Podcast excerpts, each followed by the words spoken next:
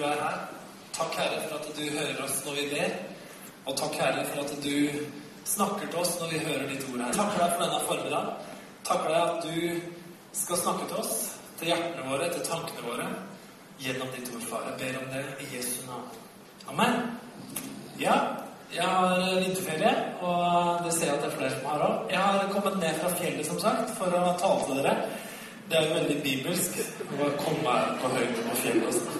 Komme ned til forsamlingen og dele det man har fått. Så det, det skal jeg gjøre. Det, det, det gleder jeg meg til. Jeg har, eh, jeg har snakka siden nyttår om temaet frelse.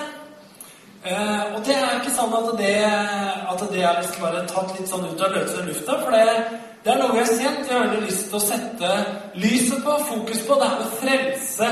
Uh, det er jo sånn at det er den store saken som handler om menighetens visjon. Og det er at mennesker skal finne Gud og bli frelst. Og at vi skal også få lov å være med og se at vi blir frelst på mange andre måter. Det kan være å bli helbreda, bli hel osv. Men det her med frelse for evigheten det er den store eh, saken som Jesus sendte oss for. Gå ut i all verden og gjør alle folkeslag til disipler. Og det så ligger det både en start på et nytt liv, det ligger også en fortsettelse i det livet vi har, for at vi skal kunne bringe frelse videre til verden. Og så er det sånn at det er, det er lett å prate om, men jeg er veldig overbevist om, ut fra Guds ord, ut fra erfaring og alt sammen, at om vi skal se frelse i enda større grad, så trengs det enda mer kraft Amen. Jeg skal begynne i dag med å fortelle en historie om det å bli redda. For det er egentlig samme ord det handler om å redde noen. Jeg skal fortelle en liten historie som er ganske imponerende, egentlig. Det er en sann historie. Dette skjedde den 6. juli 2001 i Pensacola i Florida. Det var ikke den vekkelsen som mange av dere kjenner til. Det som skjedde, var at det var en som het Vance Florencier. Hans kone, hans barn, hans familie de var på stranda en helt fantastisk nydelig sommerdag i Pensacola. De har også med seg nieser og en nevø, en nevø som heter Jesse.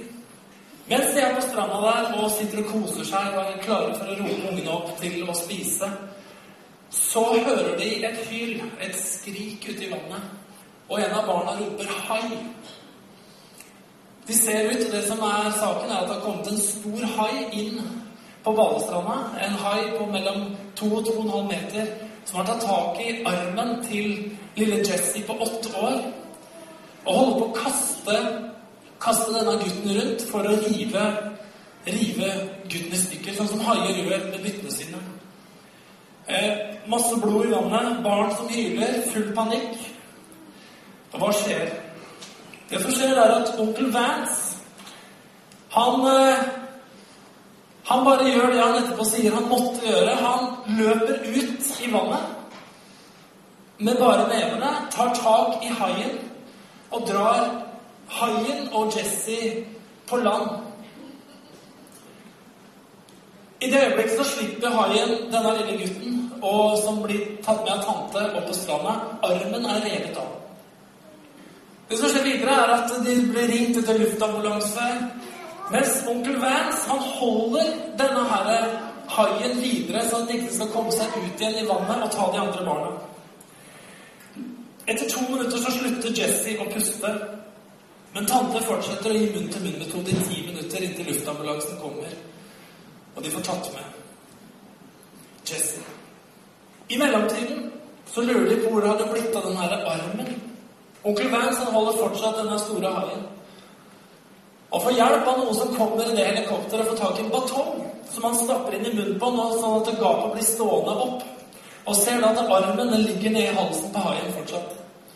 Hvorpå en av mannskapet de surrer et håndkle rundt armen for å beskytte seg mot tennene og stikker sin egen arm inn og drar ut armen til lille Jesse. Den armen blir med til sykehuset og blir sydd på. Det er en ganske fantastisk historie.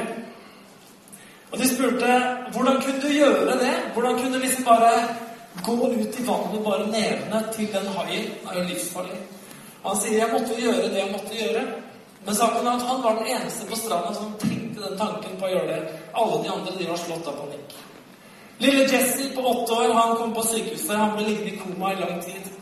Og han blir eh, sydd på armen igjen, som ett år seinere har begynt å fungere. Allikevel så er han ganske traumatisert. Ett år seinere så snakker fortsatt ikke Jesse, men han har begynt å smile. Og der slutter historien så jeg langt jeg kunne lese i Times Magazine. Uten onkel Vance så hadde Jesse uten tvil dødd den dagen der. Det var en som var sterk nok til å gå og redde den. Det var en som var sterk nok til å gå ut, som hadde noe i seg som sa dette, dette kan jeg på en eller annen crazy måte klare å få til. Dette kan jeg gjøre. Og så gikk han ut og gjorde det her. Den heltedåden var Vance han var en, han er 1,95 høy og veide ca. 95 kilo. Så han var på med andre ord en ganske solid og en stor kar. Han hadde noe i seg som sa 'Dette kan jeg gjøre'. Og det er saken, dere. Alltid når det handler om frelse og det å redde noen, så er det alltid den som er sterkere, som redder den som er svakere. Det er jo alltid sånn at den som skal redde noen, må ha en viss styrke i den situasjonen som gjør at jeg kan redde noen, jeg kan frelse noen, osv. Denne dagen på stranda så hjalp det ikke med bønner alene. Det måtte handling til. Og jeg tenker det at vi kan, vi kan, tenke litt forskjellig om det her, men jeg tror en sånn litt religiøs måte å tenke på det her med frelse Hvis vi tenker sjelers frelse, så tenker vi ofte det at ja, det er jo Gud som frelser. Det er jo Jesus som frelser, og selvfølgelig er det Gud, og det er Jesus som frelser. Men allikevel så kan det bli en sånn passiv sak i det at ja, vi ber jo våre bønner om å Herren frelse dem, ikke sant, osv. Men noen ganger og veldig mange ganger så er det faktisk sånn at det holder ikke med bønner alene. Det må være noen der på stranda når det er fare, når døden er på, på lur. Så må det være noen på stranda som er sterk nok. Som har noe i seg som er solid nok til å tenke at det her, det kan jeg gripe inn og gjøre noe med. Dette kan jeg handle i forhold til, osv. Når vi snakker om frelse Det å frelse noen, det at noen skal bli frelst og da, som jeg sa, Det kan lett være at du tenker det er Jesus som gjør det. Og det gjorde han på korset for 2000 år siden. Og han hadde styrke i seg til å gjøre det. Men Paulus skriver allikevel om det her med å frelse. Jeg skal på en litt annen måte. Jeg skal lese fra 1. Korinterbrev, kapittel 9, vers 22 og 23. Hør etter. For det står For de svake har jeg blitt svak for å vinne de svake. For alle har jeg blitt alt for på alle mulige måter å frelse noen. Men alt gjør jeg for evangeliets skyld, så jeg selv kan få del i det. For alle har blitt alt for på alle mulige måter å frelse noen. Så Paulus sier, 'Jeg lever på en måte som gjør at jeg kan frelse noen'. Ikke sant? Så det handler om det. Vi kan godt si det at eh, om du er her, du er kristen en dag, så kan du si det var Jesus som frelste meg. Selvfølgelig var det det. Det var han som betalte prisen på korset. Det var han som døde for dine synder. Det er han som frelste deg. Du kan kanskje samtidig si at det var en person som kom og snakka med meg. Det var en person som tok tak i livet mitt, og den personen frelste meg. Hadde det ikke vært for den personen, hadde det ikke vært for den situasjonen, så hadde jeg aldri funnet troen, jeg hadde aldri funnet frelsen, jeg hadde aldri funnet Jesus. Så det Paulus snakker om, er helt relevant. Jeg gjør alt jeg kan for å frelse noen. Så hva skal vi gjøre? Vi skal frelse verden. Vi skal frelse verden, skal vi ikke det? Amen. Eh, han snakker også om at han gjør noe for å frelse noen. Han er altså aktiv i handlingene sine i forhold til å frelse mennesker.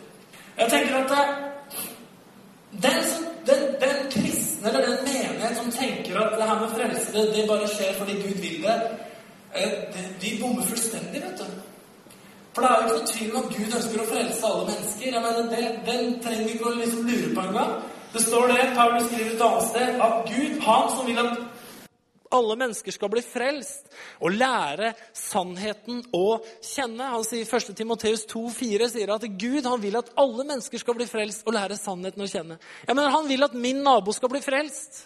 Han vil at din nabo skal bli frelst. Han vil at de vi møter på arbeidsplassen, at de skal bli frelst. Gud vil at alle mennesker skal bli frelst. Jesus har sona synden for alle mennesker. ikke sant?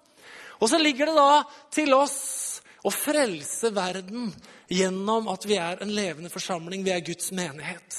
Og Da tenker jeg at det er sånn som med Vance på stranda den dagen her. Han var sterk nok. Han hadde noe i seg som gjorde at han var i stand til å gå ut og ta haien med bare hendene. Jeg syns jeg ser det. altså. To og en halv meter som spreller med en åtte år gammel gutt med avrevet arm. Og i tillegg får en batong inn i munnen på ham for å dra ut armen etterpå. Jeg syns da er du helt. I hvert fall i mine øyne. Da syns jeg du er en helt, altså. For en onkel. Når det handler om åndelige ting, så handler det også om styrke. Det handler om å ha en åndelig styrke. Vi har et begrep i Bibelen som kalles for salvelse. Det kommer fra Gamle Testamentet, hvor, hvor det var sånn at når Gud skulle bruke noen til å frelse, være noe i nasjonen Israel som kunne frelse Israel, f.eks. en konge, en profet eller en prest, så var det sånn at Gud sa at han salva dem. Det betyr ganske enkelt at han la sin ånd over livet deres. Han ga dem evne, kraft og styrke ved Den hellige ånd, så de kunne være Guds munn og gjøre Guds gjerninger, gjøre Guds handlinger i nasjonen, sånn at det, det, kunne komme frelse. Og På samme måte så er det sånn at Gud han har salva oss ved Den hellige ånd. Han ønsker i hvert fall at vi skal leve med denne kraften i livet vårt, med denne salvelsen i livet vårt. Eh, jeg skal gi deg, skal gi deg seks punkter på hvordan Paulus gir oss noen råd om hvordan vi kan leve med en større åndelig styrke i våre liv, så vi kan bringe frelse til andre. Og jeg, jeg tenker det at Herlighet, hvor mange sånne punkter har gitt opp gjennom livet. holdt jeg på å si. Men hør nå, de seks punktene her, fem pluss én De seks punktene her kan du helt seriøst skrive opp og henge på kjøleskapdøra di eller et eller annet sted på innsida av dodøra et eller annet, hvor du sitter ofte og ser uten å gjøre noe. Så kan du tenke på de punktene. Ta med deg de her i livet ditt. Jeg skal gi deg seks punkter. De her er innmari bra. Og jeg er helt sikker på at gjør du det som jeg sier i dag, som Paulus anbefaler oss, så kommer det til å være et megapluss i ditt åndelige liv. Er du med? Eh, han skriver nemlig til Timoteus. Timoteus var en uh, ung fyr. Han uh, var en disippel av Jesus, en disippel av Paulus. Han var en etterfølger, en som virkelig hadde bare overgitt seg helt og fullstendig for å tjene Herren. Eh, Paulus skriver to brever til Timoteus, og han gir Timoteus mange råd om praktiske ting, om livet hans. Men han gir også Timoteus noen oppmuntringer på hvordan han skal leve for å fullføre det løpet som Gud har gitt den å løpe. Og han, Saken er at han, han, ber, han ber på mange måter Paulus om å passe på seg selv. Og Det er veldig viktig. Og Jeg skal lese, jeg skal lese noen vers fra 1. Timoteus 4 12-16. Eh, der står det Han skriver La ingen forakte deg fordi du er ung, men vær et forbilde for de troende i ord og i livsførsel, i kjærlighet, tro og renhet. Ta deg særlig av skriftlesningen, formaningen og undervisningen helt til jeg kommer. Forsøm ikke den nådegaven du har, den du fikk på grunnlag av de profetiske ord da eldste, de eldste la sine hender på deg. Legg vekt på dette og lev i det, så alle kan se at du gjør framskritt. Gi akt på deg selv og på læren. Fortsett med det. For gjør du det, skal du frelse både deg selv og dem som hører deg. Det syns jeg er fint. For gjør du dette, så skal du frelse både deg selv og dem som hører deg. Der er han tilbake til det her, at det handler om at du kan frelse noen. Du kan frelse deg sjøl, og du kan frelse dem som hører deg, eller dem du har med å gjøre. Hva er det han, hva er det han skriver til Timoteus? Nå tar jeg liksom, Mitt utgangspunkt nå det er at du ønsker å leve et sterkt liv med Gud. At du ønsker å følge Jesus, at du ønsker å vokse åndelig osv. osv. Det første av de punktene her dere kan få opp, eh, det første som står, det er 'la ingen forakte deg'. La ingen forakte deg. Vet du hva? Det å kjenne på forakt, det er knugende. Det er, det er vondt å merke når noen ser ned på oss eller forakter oss pga. et eller annet. Og det her han sier, det er at eh, til Timoteus var det helt spesifikt La ingen forakte deg fordi du er ung. Eh, jeg kan liksom tenke meg det, hvordan han kanskje kunne oppleve det Der han kom rundt omkring at jaså, ja, ja, ja, vi har hørt og vært sammen med Paulus, men du, du er jo så ung. Du mangler jo livserfaring, og du, det er mye ikke du vet, og det er mye ikke du har vært med på, osv. Så, videre, så du må nok jekke deg ned litt, du må nok roe deg ned litt. Du, du kan ikke så mye, og du må, du må liksom ta det litt rolig og holde deg ydmyk. Jeg vet ikke om du har kjent på forakt noen gang, men hvis, hvis du har merka at noen har forakta deg på et eller annet en gang, så er det utrolig lett å trekke seg unna. er ikke Det Det er utrolig lett å bli passiv, det er utrolig lett å bli, sette seg sjøl til sida og tenke at nei, her har jeg ingenting å gjøre, her kommer ikke jeg til, osv. osv. Men jeg tror det er mange ting vi kan oppleve at vi kan få forakt på, og kanskje vi forakter oss sjøl noen ganger også. Det kan være det kan være at du opplever forakt for at du ikke er utdanna nok. Eller at du er for ung, eller at du er for gammel.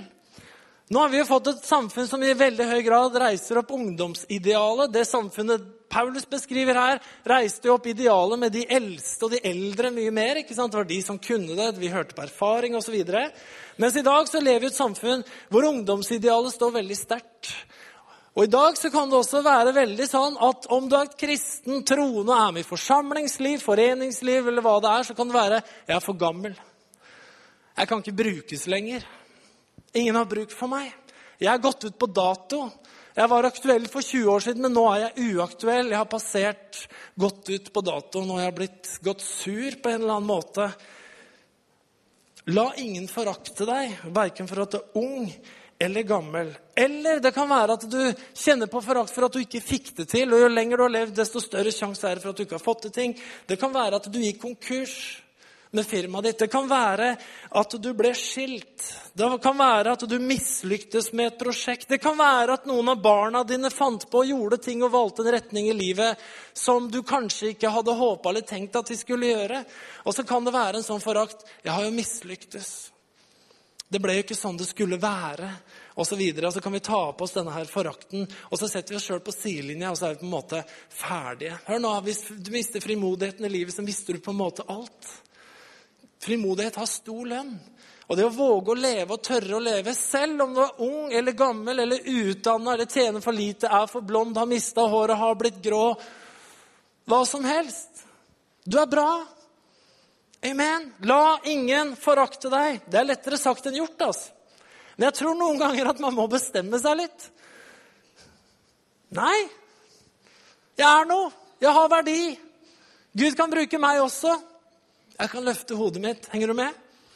La ingen forakte deg, var det første rådet han ga til Timoteus. La ingen forakte deg. Det andre han skriver, vær et forbilde. Lev med utgangspunkt i at du er et forbilde for andre. Jeg vet ikke om du har lagt merke til ditt eget liv, men det er i hvert fall sånn at når noen ser oss, når noen observerer oss, så har vi en tendens til noen ganger å yte litt mer. Å gjøre ting litt bedre. Å være litt mer ordentlig og tenke litt mer på hva vi sier, osv., osv enn når vi kanskje er helt alene. Jeg vet ikke om du er sånn, men jeg tror de fleste mennesker er sånn. Paulus sier, 'Vær et forbilde. Lev med utgangspunkt i at du er et forbilde på andre.' Jeg tror det at noen ganger så glemmer vi at våre ord, våre handlinger, hva vi sier og hva vi gjør, det blir sett på av andre, om vi tror det eller ei. Hvordan du snakker, hvordan du gjør ting, dine holdninger osv., det er med å prege deg sjøl, det er med å prege familien din, det er med å prege et miljø som du er en del av, osv. osv. Det er rett og slett med å skape en kultur. Og saken er den at det, det her med en kultur som vi kan si er en sum av våre holdninger, våre handlinger og hva vi gjør. En kultur den blir skapt av enkeltmennesker som smitter enkeltmennesker, og så blir det mange nok som tenker noe, som snakker om noe osv., og, så og så plutselig så har vi noe som kalles en kultur. Og menigheter, forsamlinger, familier, samfunn blir prega av ulike verdier fordi mange nok snakker, fordi mange nok gjør noe eller ikke gjør noe. Og så må være klar over at du er et forbilde, jeg er et forbilde, hvordan vi sitter og snakker. Amen. Vær et forbilde, og tenk på det. At den du er, og det du sier, det er ikke noe som på en måte er likegyldig. Hva du enn gjør, så er du et forbilde som blir sett av andre. Les i Bibelen, sier Paulus. Legg vind på skriftlesningen. Bibelen sier om Bibelen sånn her at hver bok i Skriften er innblåst av Gud og nyttig til opplæring, tilrettevisning, veiledning og oppdragelse i rettferdighet. Så det mennesket som tilhører Gud, kan være fullt utrusta i stand til all god gjerning. 2. Timoteus 3, 16-17. Eh, en undersøkelse vi var på, som Einar sa, Noen av oss var på LED 13, lederkonferansen forrige helg. og Bill Hybels, eh, som vi hørte på, han fortalte om en undersøkelse de har gjort. Hvor de ut fra Willow Creek-nettverket osv hvor de har spurt en halv million mennesker hva er det viktigste, eller de fire-fem viktigste punktene som gjør at du opplever åndelig vekst i ditt liv, eller har opplevd åndelig vekst i ditt liv. En halv million mennesker, en halv million kristne, har svart på det spørsmålet der. Og den, den eh, helt uh, reason number one på åndelig vekst og det å oppleve en vekst i kristenlivet, det var vitnesbyrdet fra en halv million mennesker at de leste jevnt og trutt i Bibelen. Var det overraskende? På en måte, på en måte ikke. Og Han sa at pastorer må ikke gå i den fella at de tror at de skal sørge for å gi menigheten åndelig mat alene hver søndag. Jeg mener, Vi klarer oss ikke med fysisk mat uten fysisk mat i seks dager. Da er vi ganske slakke. Og vi klarer oss ikke uten åndelig mat heller alle de dagene her. Men å være engasjert i bibellesning det var nummer én av vitnesbyrda som folk snakka om når det gjaldt åndelig vekst i sine liv. De sa noen ga meg en bibel, og jeg begynte å lese. Og så begynte det å skje noen ting på innsida. Han fortalte om en mann som, vært, som ikke hadde tid til å lese Bibelen. Han var forretningsmann, han jobba 80 timer i uka. Han hadde aldri tid til å liksom holde på med den bibellesninga hver dag. Mens han bestemte seg for å gjøre det ti minutter hver dag. På samme måte, Jeg trenger å spise, jeg trenger å sove, jeg trenger visse ting i livet. Så trenger jeg å spise Guds ord. Så Han fortalte det ble en, en av de beste medarbeiderne de hadde hatt i den menigheten her. Eh, jeg opplever liksom bibellesning som å rydde opp på innsida. Jeg vet ikke åssen det er hjemme hos dere, men i hvert fall når dagene og uka holder på å rulle av sted, og man bruker huset sitt, så blir det rotete. Til en viss grad så gjør det det. altså. Det er leker i stua, biler på do, det er, det er, eh, ting og tang. Det står oppvask, det står litt her. Det er søppelposer som skulle vært rydda ut. Det står litt ting rundt omkring etter hvert som uka kommer. Og så kjenner vi det at for å liksom skal være hyggelig å bo her nå, så må vi rydde opp litt. Og så gjør vi det. Og så er det litt sånn deilig. Og det, det, Sånn er det litt inni oss. Og tror jeg at Noen ganger så kjenner jeg at det, det er, liksom, det er masse tanker som kommer. Vi bruker livet vårt. Vi er i farta, vi er på gang, og det er prosjekter, og det er avtaler, og det er ting vi skal, og vi skal yte, og vi skal det ene og det andre. Og så trenger vi liksom bare å rydde opp inni oss. Og så er det akkurat sånn Guds ord, Bibelen, den syns jeg er fantastisk å rydde opp inni meg. I hvert fall. I hjertet mitt, i tankene mine. så er det sånn som jeg setter meg og leser Guds ord, så er det akkurat sånn Åh, det ble rydda opp. Nå ble den satt på plass. Der skulle den være. Og den holdningen der var ikke helt bra. Den må du plassere der. Eller gjemme godt bort der. Og så kanskje brenne opp av. holdt jeg på å si. Men altså, det er noe med at Guds ord det lyser på oss. Og som Paulus sier her, at Guds ord er i stand til å, til å fostre oss til rettevisning, veiledning, oppdragelse i rettferd. Og jeg tenker at uh, vi kan lett lure oss sjøl på bibelundervisning, ja, på bibellesing fordi at eh, det er liksom så enkelt. da. Og vi har jo lest i Bibelen før.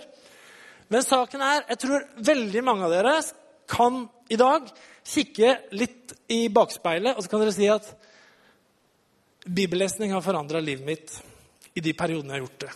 Jevnt og trutt. For jeg tror nemlig det at vi helt sikkert i det rommet her har tre-fire kategorier i forhold til bibellesning. Jeg tipper det er noen av dere som leser Bibelen hver dag noen minutter. Tippa det er noen av dere som leser innimellom når det tilfeldigvis har tid til det. Så tippa det er noen av dere som leser Bibelen hver gang du har krise og trenger et ord fra Gud. Så tippa det er noen av dere som aldri leser i Bibelen. Omtrent. Som, eh, selv om du er kristen. Men det er sånn det kan bli. Men saken er at det fins en fantastisk velsignelse i å lese Bibelen. Les Bibelen. La den tale til deg. La Guds ord tale til deg. Amen. I denne kirken her så tror vi på bibellesning. Tror at det er veldig bra. Det fjerde som Paulus snakker om, det er ta til deg undervisning. Legg vekt på undervisningen og læren. Og Bibelen sier det at eh, skal vi vokse i tro, så må vi høre Guds ord. Bibelen sier veldig klart i Romerne 10, 10, 17, så kommer da troen av det budskapet en hører, og budskapet kommer av Kristi ord. Altså Det kommer av budskapet en hører. Så Det ene det er å lese Bibelen. Det andre er å høre bibelundervisning. Høre Guds ord forkynt. Og Jeg vet at du får det med deg på søndagen her om du, om du kommer hit. Men det er mer å hente. altså. Vi er jo fantastisk velsigna i den tida som vi lever i nå. Hvor vi har, når jeg var ung, så var det jo kassetter som gjaldt. husker jeg, ikke sant? Det var kassettserie. husker Jeg hadde jo masse sånne svære permer med kassetter. Og jeg oppdaga det som nyomvendt eh, rundt eh, pluss 20 år, at det å høre på bibelundervisning det gjorde noe med livet mitt. Jeg begynte å vokse.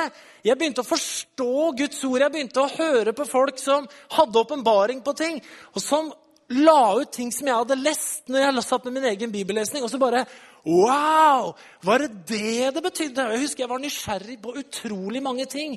Hva er egentlig tolkninga på det her? Hvordan skal jeg forstå det? Og hvordan skal vi skjønne det ene og det andre? Så jeg kjøpte masse kassettserier husker jeg, og hørte på. Jeg søkte meg inn på bibelskole, for jeg skjønte at her er det mye å hente for mitt, min åndelige vekst og min åndelige liv om jeg skal tjene Gud. Og jeg bestemte meg for, husker jeg, Om jeg ikke kommer inn på bibelskolen, som jeg hadde søkt på, så skal jeg ha min egen bibelskole hjemme. Da skal jeg kjøpe enormt med kassetter og skal jeg høre på hver eneste dag og gjøre notater. akkurat som jeg var på bibelskole. Nå kom jeg heldigvis inn, da. Så det gikk bra. Det var ikke så vanskelig å komme inn. det skal sies. Altså. Pleier ikke å være det. Men det var, i hvert fall var en veldig bra trend at veldig mange gikk på bibelskole. Det var noe som veldig, gjorde veldig mye godt.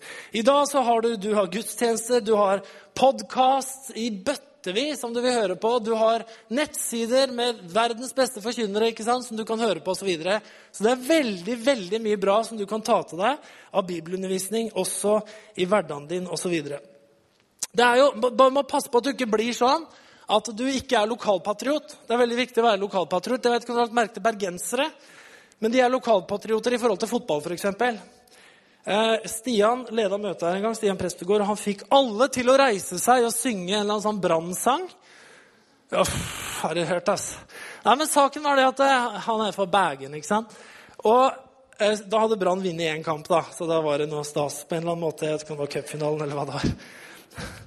Men saken er at det, bli, det er litt sånn, litt, litt sånn, greia i dag. Da. Det at vi kan få verdens, verdens, beste kirker. Og hvis vi kan si det sånn, i det hele tatt, men sånn som vi syns, verdens beste kirker og verdens beste predikanter inn på alle kanaler, så kan vi sitte og digge det. ikke sant? Og det er råbra. ikke sant? Men du må aldri glemme å være lokalpatriot. Hva mener du med det? Jo, jeg mener det at eh, sånn som Jeg liker veldig godt eller Jeg får ta fotballbildet, da, siden jeg blir så liksom inn i min greie hele tida. Men jeg vet, det er gøy å se på Champions League. ikke sant? Kjempegøy å se på Champions League. Og, og, og, og, moro sikkert å holde med Liverpool og Manchester United og Barcelona. og alt Det der. Det er jo verdens beste lag. Utrolig bra. Men det er jo også sånn at når jeg ser på f.eks. Philip, eller noe sånt, som er min gutt, som spiller fotball på Flint eh, på guttelaget, så er det klart, jeg er jo lokalpatriot. Jeg heier jo gjerne på dem. ikke sant? Selv om jeg selvfølgelig synes, uh, ser at det er mye feil, og det er mye som kunne vært bedre, og sånn, så er jeg jo lokalpatriot. Og det er jo veldig viktig å holde fast på det, tenker jeg. da. At vi uh, klarer å se på den beste ligaen i verden. ikke sant? Samtidig så må vi være lokalpatrioter. Vi må heie på det vi har hjemme i vår egen by og vårt eget hus. For sånn er det bare. At uten det så blir det dårlig greie. Så det syns jeg du skal være på kirke, kirkemessig òg. Så vær lokalpatriot. Hei på de som er her også, sjøl om det ikke er liksom Maradona som spiller. eller noe sånt. Nå merker jeg bare i gamle dager, men la oss si Messi, da. Som spiller eller noe sånt. Så vær lokalpatriot i forhold til, eh, i forhold til det her også. Eh, det var ta til deg undervisning. Det, det femte som Paulus snakker om her, det er bruk de gavene som Gud har gitt deg. Bruk nådegavene dine. Ikke vær passiv med dem, men bruk nådegavene dine. Eh, påstanden fra Bibelen er at alle har en nådegave. Da tenker jeg ikke bare på de åndelige nådegavene, men på generelt de gavene som Gud har gitt deg i livet. Vi har alle en gave. Bibelen sier det at vi er satt på en kropp som heter Kristi kropp, og vi har alle en funksjon. En eller annen gave har du. Da kan ikke vi ta liksom et seminar med å oppdage hvilke nådegaver du har her, men du har gaver. altså. Og Det Paulus sier veldig klart, det er bruk de nådegavene du har. Eh, han skriver et annet sted i romerbrevet. Han sier, 'Ikke still kroppsdelene dine, lemmene til tjeneste for synden som våpen for urett,' 'men still dere selv og lemmene deres til tjeneste for Gud, som våpen for det som er rett.' For dere var døde, men er blitt levende. Saken er at det å, å hjelpe hverandre, oppmuntre hverandre til å finne talentet, det er utrolig viktig. For det å komme løs i et talent det er, handler ofte om motstand i starten. Det handler veldig ofte om at vi ikke klarer helt å finne ut hva er vi egentlig gode på. Hva, egentlig, hva slags egenskaper er det som bor i oss? Og Det er nærliggende for oss å tenke på hvordan vi gjør litt med ungene våre noen ganger. For når de kommer til verden, så kikker vi jo på dem. De har eh, fingre og tær og neser og ører og alt det her, men vi lurer på hva er det som er inni der? Hva er det som fins inni dette mennesket her? Hvilke egenskaper har denne personen som jeg ennå ikke kjenner? Hva slags talenter er det som ligger gjemt i denne gutten eller denne jenta som vi har fått nå inn i vår familie? Og etter hvert som vi begynner å leve med dem, så begynner vi å oppdage talentene deres. Vi begynner å oppdage hva de ikke har talent på, og vi begynner å oppdage hva de har talent på. Og det er en sånn fantastisk oppdagelsesreise å se Jaså, ja. Så du er ganske tålmodig, du. Og du er ganske bra til det her med litt teori og litt sånne ting. Jeg skjønner. Det er liksom din greie. Eller jaså, ja, du er ganske utålmodig. Og du er mer sånn praktiker og bryr deg ikke så mye om det der teorigreiene, men det å bruke hendene dine og i det hele tatt, så begynner vi å oppdage hvem disse her små menneskene er.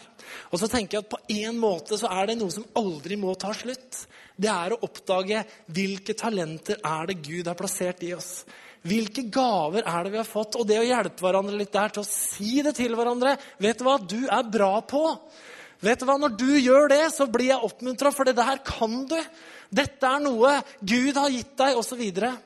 Og vi kan oppdage det og leve i de gavene, begynne å bruke de gavene. Så er det en velsignelse for andre, og det er en velsignelse for deg. Uten tvil. For det å kjenne det at å, jeg kommer på plass i livet mitt, jeg får lov å bruke talentene, gavene jeg har, så er det noe av glede som blir forløst i oss. Det er fantastisk. Så Paulus' oppfordring er bruk de gavene Gud har gitt deg. Noen ganger så tenker vi at det kan være liksom en type byrde. Det kan bli slitsomt hvis jeg skal begynne å bruke gavene mine. Og det kan det jo være til tider, men velsignelsen er så mye større på andre sida. Jeg har tatt fem punkter. La ingen forakte deg. Lev med utgangspunkt i at du er et forbilde for andre. Les i Bibelen. Ta til deg undervisning, og bruk de gavene Gud har fått deg, har gitt deg. Så er det et siste punkt som jeg syns er veldig, veldig bra. Og det er fortsett med det. Fortsett å gjøre det. Jeg er sikker på at uh, mange ganger kan vi se tilbake kanskje på perioder i livet hvor vi var i støtet. Da var jeg i støtet. Da liksom hadde jeg, var jeg on track med så mange ting. Paulus' oppfordring er fortsett, Timoteus. Fortsett å gjøre det. For det er ikke det. Det er ikke det som vi gjør innimellom, som forandrer oss. Det er det vi gjør hele tida, som forandrer oss. Det er ikke det å gå på diett en uke som gjør noe med oss. Det er å legge om kostholdet som gjør noe med oss. Det er ikke det å trene en uke som forandrer helsa vår. Det er det å trene uke ut, uke inn, år ut og år inn som gjør oss sunne. Stunts hjelper ikke så mye. Så får vi høste etter hvert som vi har gjort noe lenge. Husker For mange år siden så, så jeg på et eller annet TV-program med en uh, handla om en person med en vond skjebne i livet. Og Det handla da selvfølgelig, som det ofte gjør, om en dårlig oppvekst, en vanskelig barndom. Og så var det den personen sa i dette TV-programmet en ting som gjorde så utslettelig inntrykk på meg. Det var når jeg vokste opp, så hørte jeg ikke én eneste gang at mamma og pappa sa at de elska meg. Jeg hørte aldri de orda i min oppvekst at de elska meg. Så tenkte jeg En gang når jeg får barn, så skal jeg fortelle dem at jeg elsker dem. Når vi fikk barn, eh, to gutter, så, så har jeg gjort det. Seks av syv dager så har jeg fortalt gutta mine Husk på en ting. Jeg elsker deg. Og det gjør sikkert Katrin like ofte. Jeg veit hun gjør det. Men vi har snakka om det. Må, det må jeg si til ungene mine hver dag. Ikke fordi jeg liksom føler at nå må jeg huske på det. Nei, jeg, jeg, har lyst til å gjøre det etter hvert som jeg har gjort det. Så det er noe jeg må gjøre. Jeg må si til guttene husk på det. Uansett, jeg elsker deg. Og så var det nå, Etter hvert som tida har gått, så har de begynt å si det tilbake, vet du. Og så var det en dag jeg, nå jeg kjørte Philip på skolen forrige uke. Og full fart om morgenen, ikke sant? akkurat klokka fem på halv ni. Møtte Elin på veien nå. og så kjører jeg på skolen. Så lukker han opp døra, så får han sekken. Og skal han smelle igjen døra, og så stopper han litt. 'Pappa, det er en ting jeg må si til deg.' 'Ja, husk på, jeg elsker deg.' Å, det tenkte jeg det var så herlig. For det handler om Det handler ikke om Jeg gjorde jo det en gang. Jeg sa jo det en gang. Det handler om det vi fortsetter å gjøre. Det er det som skaper endring. Det er det som skaper forandring. Det er det som skaper identitet. Det er det som gjør noe med oss. Det er det som endrer oss varig, så vi blir noe annet enn det vi var. Paulus sier dette til Timoteus. Og så er spørsmålet hva fører dette til, da? Om Timoteus gjør det her? Om han ikke lar seg forakte? Om han lever som et forbilde? Om han leser Bibelen? Og om man, akt, om man gir akt på læren, tar til seg undervisning, om han lever i nådegavene sine, og han fortsetter med det, hva er resultatet? Jo, han sier, gjør du dette, så skal du frelse både deg selv og dem som hører deg, eller dem som har med deg å gjøre. Jeg tror ikke Vance Florencier tenkte så mye på sin egen styrke den dagen hvor Jesse ble tatt av haien på stranda. Jeg tror ikke han satte seg ned på stranda og tenkte hm, er jeg sterk nok til å ta haien? Er jeg sprek nok? Har jeg mot nok? Tør jeg å gjøre det her? Jeg tror bare han hadde noe i seg hvor han automatisk visste at dette har jeg en mulighet til å gjøre noe med. Jeg har en mulighet til å frelse Jesse i denne situasjonen. De andre på stranda hadde nemlig ikke den reaksjonen. De hadde panikk. Det var som de visste med seg sjøl at dette er en situasjon vi allerede har tapt. Dette er en situasjon vi ikke kan gjøre noe med.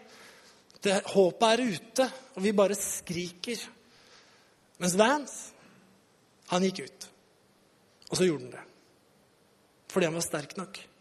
Fordi han var stor nok. Fordi han hadde nok krefter. Og heldigvis så hadde han det. Og så ble gutten redda. Og så ble armen redda. Og så var det en fantastisk historie. Men jeg tenker også vår identitet som kristne, vår åndelige styrke, vår, vårt kristne liv Har vi styrke til å frelse noen? Så handler det ikke om en dag hvor vi pumper oss opp, en dag hvor vi skal få til noen ting. Men det handler jo om hvem vi er. Og det handler om et, å være et resultat av et liv man lever. Det sitter mange mennesker rundt i kirker i Norge i dag og sier at de lengter etter mer frelse, mer vekkelse, mer av det ene og det andre, at det må skje ting osv. Og, så og man peker gjerne på alle andre rundt seg. Så er spørsmålet hvordan lever vi? Lever vi som disipler? Lev ut fra det forbildet som, som, som, Paulus snakker om her, i disse enkle punktene. La ingen forakte deg. Vær et forbilde. Les i Bibelen. Ta til deg undervisning. Bruk nådegavene dine, og fortsett med det og fortsett med det og fortsett med det. og fortsett med det. For når du fortsetter med det, så skal du frelse både deg sjøl og de som er rundt deg. Amen. Det er det det handler om. En åndelig styrke til å frelse den verden som vi har satt til å tjene i. Kanskje du Fredrik, kunne tatt piano litt, så la oss be litt sammen.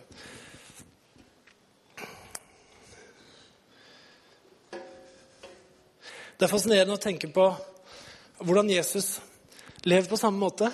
Han eh, var helt tydelig at Jesus, han, når han kom, så kom han med et fantastisk oppdrag. Det var ingen tvil om at Gud hadde sendt den. Det var ingen tvil om at Gud ønska at Jesus skulle frelse verden. Det var ingen tvil om at Jesus ønska å gjøre det heller.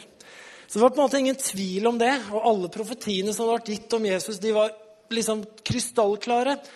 Så Guds vilje var veldig tydelig da, på at han skulle redde, han skulle frelse denne verden. Allikevel så ser vi at Jesus lever på en måte som gjør at han er i stand til å fullføre det oppdraget Gud hadde gitt ham. Og han ble noen ganger fraråda å gjøre det, sa Peter f.eks. at eh, du må ikke gjøre det. Men han søkte ut aleine mange ganger, hvor han var sammen med Gud aleine.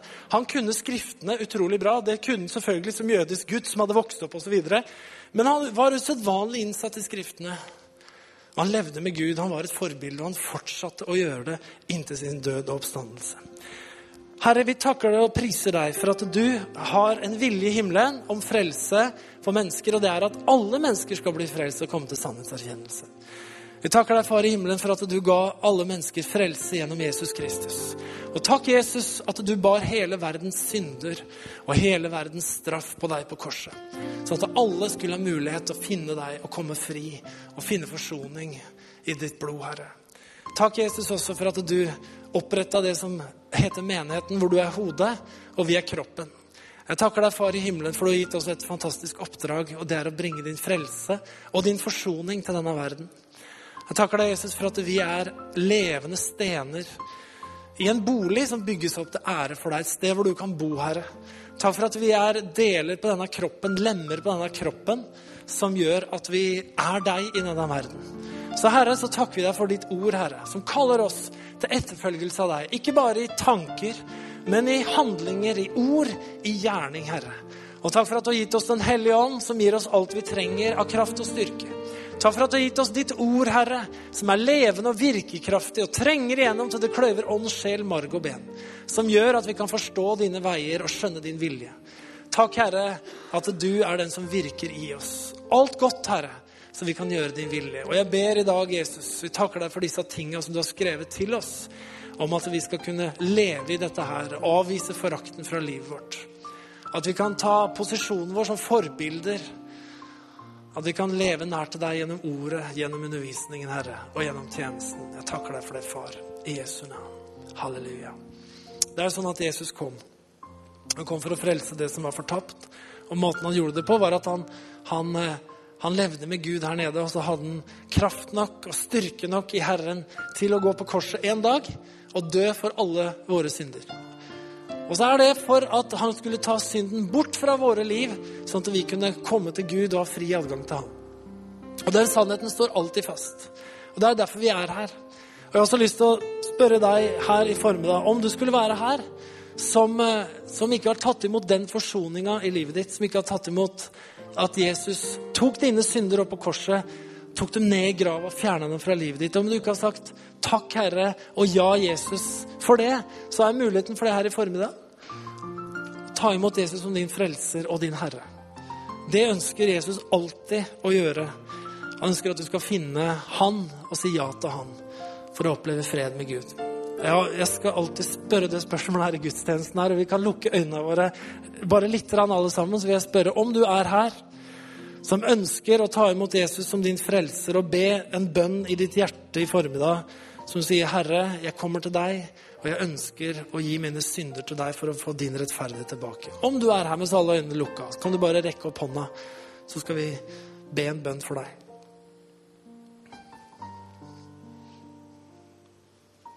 Amen. Gud velsigne deg. Jesus, jeg takker deg Takk for at du, du visste byrden som vi bar på, Herre. Herre, du, du, kjente til det vi hadde blitt påført gjennom syndefallet og gjennom våre egne handlinger, Herre. Alt det tunge som vi måtte dra på, skyld. Jeg takker deg, Jesus, for at din forsoning er her i formiddag, Herre. At vi bekjenner våre synder, så er du trofast og rettferdig. Og tilgir oss all vår synd i Jesu mektige navn. Takk for den som rakk opp handa i formiddag. Takk for at du fjerner syndebyrden og syndeskylden og den dårlige samvittigheten akkurat nå, Herre. Og vi tilsier deg tilgivelse i Jesu Kristi navn. Og du skal gå fri ut herfra. For husk, Jesus han har tatt dine synder en gang for alle opp på korset. Han har tatt straffen. Du skal ikke lenger være straffa, du skal være frikjent i Jesu mektige navn. I Jesu mektige navn. I Jesu mektige navn. Amen. Glory. Som sagt, du kan godt henge opp de her på Seriøst, du kan henge opp de her på kjøleskapsdøra di. La ingen forakte deg. Vær et forbilde. Les i Bibelen. Ta til undervisning fra Guds ord. Bruk nådegavene Gud har gitt deg, og fortsett å gjøre det. Hvis du gjør det hver dag ett år, så lover jeg deg at eh, du kommer til å oppleve eh, enda sterkere liv med Gud. Amen. Gud velsigne dere. Takk for det.